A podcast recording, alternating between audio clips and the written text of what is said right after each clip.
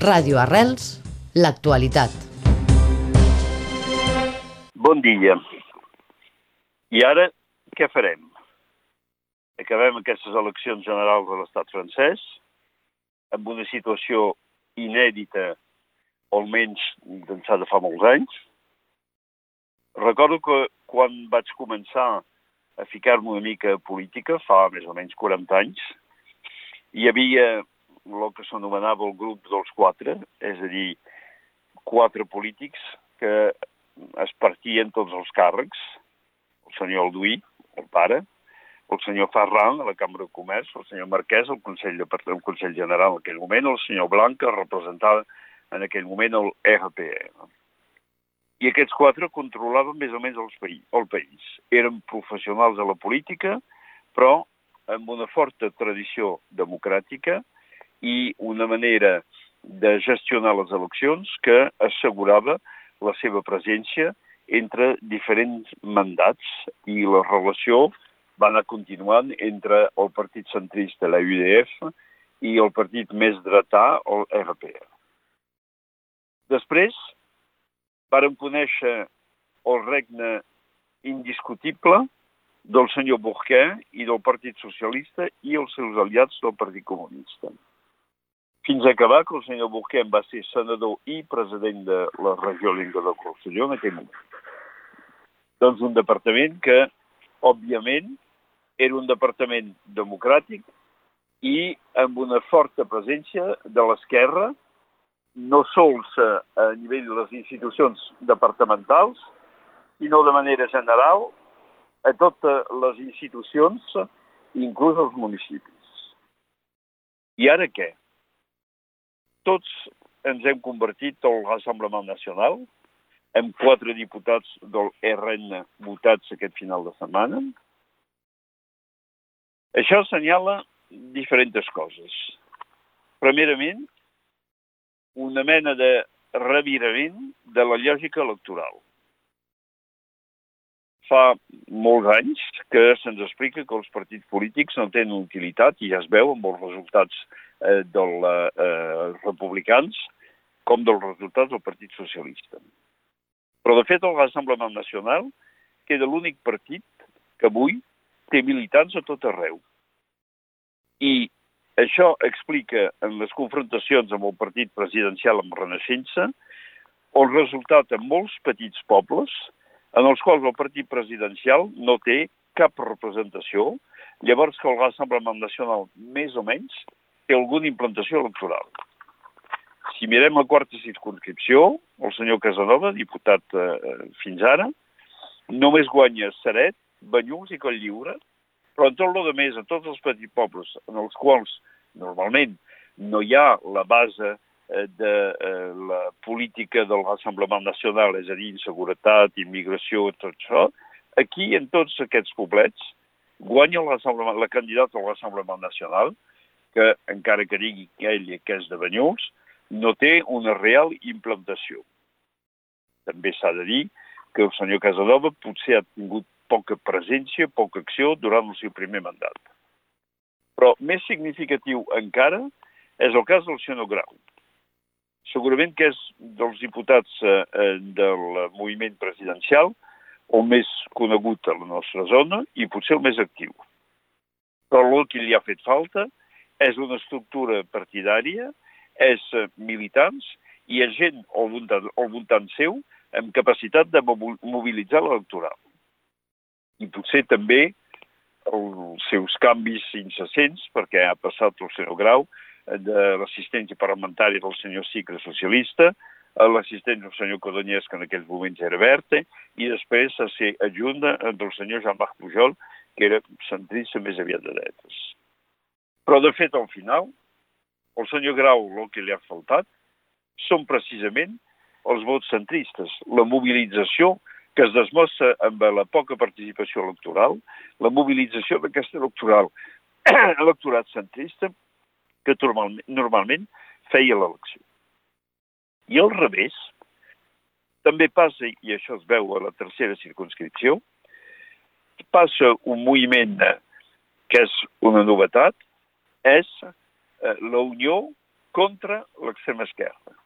És el tots fora Mélenchon, en la confrontació que hi ha hagut entre el Rassemblement Nacional i la candidata Colell de la NUPES, que es veu que en molts pobles i pobles petits el resultat ha sigut favorable al Rassemblement Nacional, no perquè la candidata era significant, perquè té poc passat polític, sinó perquè sembla que hi ha hagut un rebuig de l'extremisme de la França insubmesa. O almenys dubtes de la part de l'electorat sobre la seva capacitat de governar, perquè dient que Mélenchon hauria de ser primer ministre era intentar fer creure que Nupes era en capacitat de governar. Ja sabem que no és fàcil de fer una aliança electoral, però és molt més difícil de poder després, si es guanya, arribar a acords de govern. I molta gent sempre han dubtat de la capacitat del senyor Mélenchon i del seu nou partit a mobilitzar per un funcionament. Llavors que en aquest partit no hi ha realment professionals a la política i sobretot que pocs han estat enfrontats realment a la gestió política del dia a dia. Potser, de fet, passarà el mateix pel Rassemblement Nacional, sobretot si aquest arriba a imposar o obtenir el, el vot proporcional. Però, de moment, la realitat és aquesta. El moviment de, eh, lligar eh, partits s'ha fet més contra la NUPES, o almenys a la nostra província, i eh, ha tingut el resultat exactament invers del que es coneixia fins ara. Mentrestant, també assistim a un retorn del parlamentarisme enfrenta d'un sistema cada dia més presidencialitzat per la personalitat del senyor Macron. Perquè, de fet, aquests resultats electorals almenys els nostres, però també a tot França, significa un fracàs del mètode jupiterià que havia posat en plaça el senyor Macron. Un fracàs anunciat ja pel moviment de les armilles, que van refusar sense tenir cap estratègia política molt determinada. Però també el fracàs dels, del menys preu que va manifestar el senyor Macron al començament eh, del seu primer mandat, contra els polítics i responsables locals, del menyspreu de cara als alcaldes i de la falta, per conseqüència, de tenir aquesta possibilitat d'apoyar-se sobre d'entitats que no dicten, el vot. Ara, el senyor Macron haurà de navegar, perdoneu aquesta expressió, perquè amb 577 diputats al Parlament francès, la majoria absoluta era 289, i en falten 50 o 60 al moviment del president de la República per arribar a aquesta majoria. És a dir, que necessitarà buscar apoyos i els buscarà, hi ha dues possibilitats, molt probablement, els buscarà al centre o a la dreta, és a dir, els republicans o la UDI. Però quin serà el preu d'això?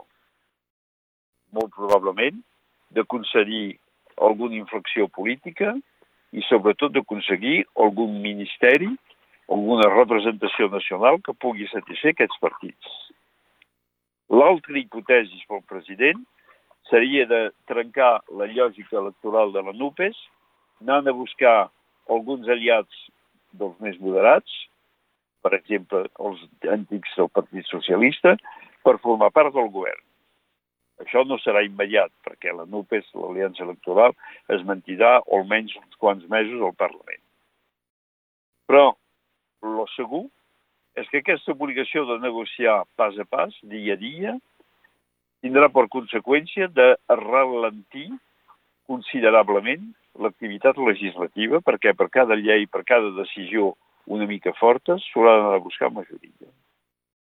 I per fer això, el senyor Macron em sembla que no té realment la gent per fer-ho. O el pactisme, que nosaltres els catalans coneixem molt bé, que en el seu moment va simbolitzar Jordi Pujol molts anys, o el pactisme és una manera de governar que no em sembla correspondre a la personalitat de Macron.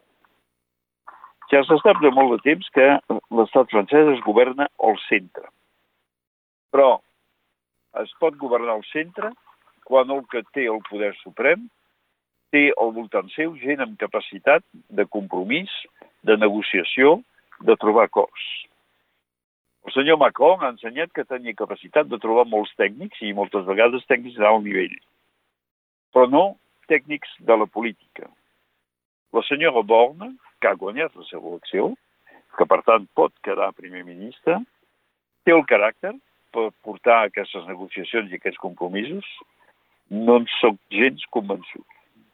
I un home com el senyor Ferran, antic president de l'Assemblea Nacional, que no ha aconseguit el seu escó, no es trobarà en posició de poder utilitzar la seva capacitat de negociació. És a dir, que de manera segura la política se farà al centre i se farà al Parlament. Però el que és molt insegur és de quina manera, si es vol evitar que el país estigui bloquejat amb incapacitat de portar reformes, de quina manera es podrà tirar endavant una organització política que permeti de no haver de negociar cada dia, pas a pas, dia a dia, totes les lleis que es proposaran. I això és un exercici per al qual no sé si el senyor Macron té una total capacitat, perquè poca experiència política de base té, té també ell mateix. Ja veurem d'aquí unes quantes setmanes com les coses passen, com es formaran els, els governs, però el segur és que s'ha de reinventar una tècnica política basada sobre el pactisme i que si jo tenia un consell a donar al senyor Macron, diria de demanar als dirigents polítics catalans com ho van saber fer ells, aquest pactisme. Gràcies per la seva atenció.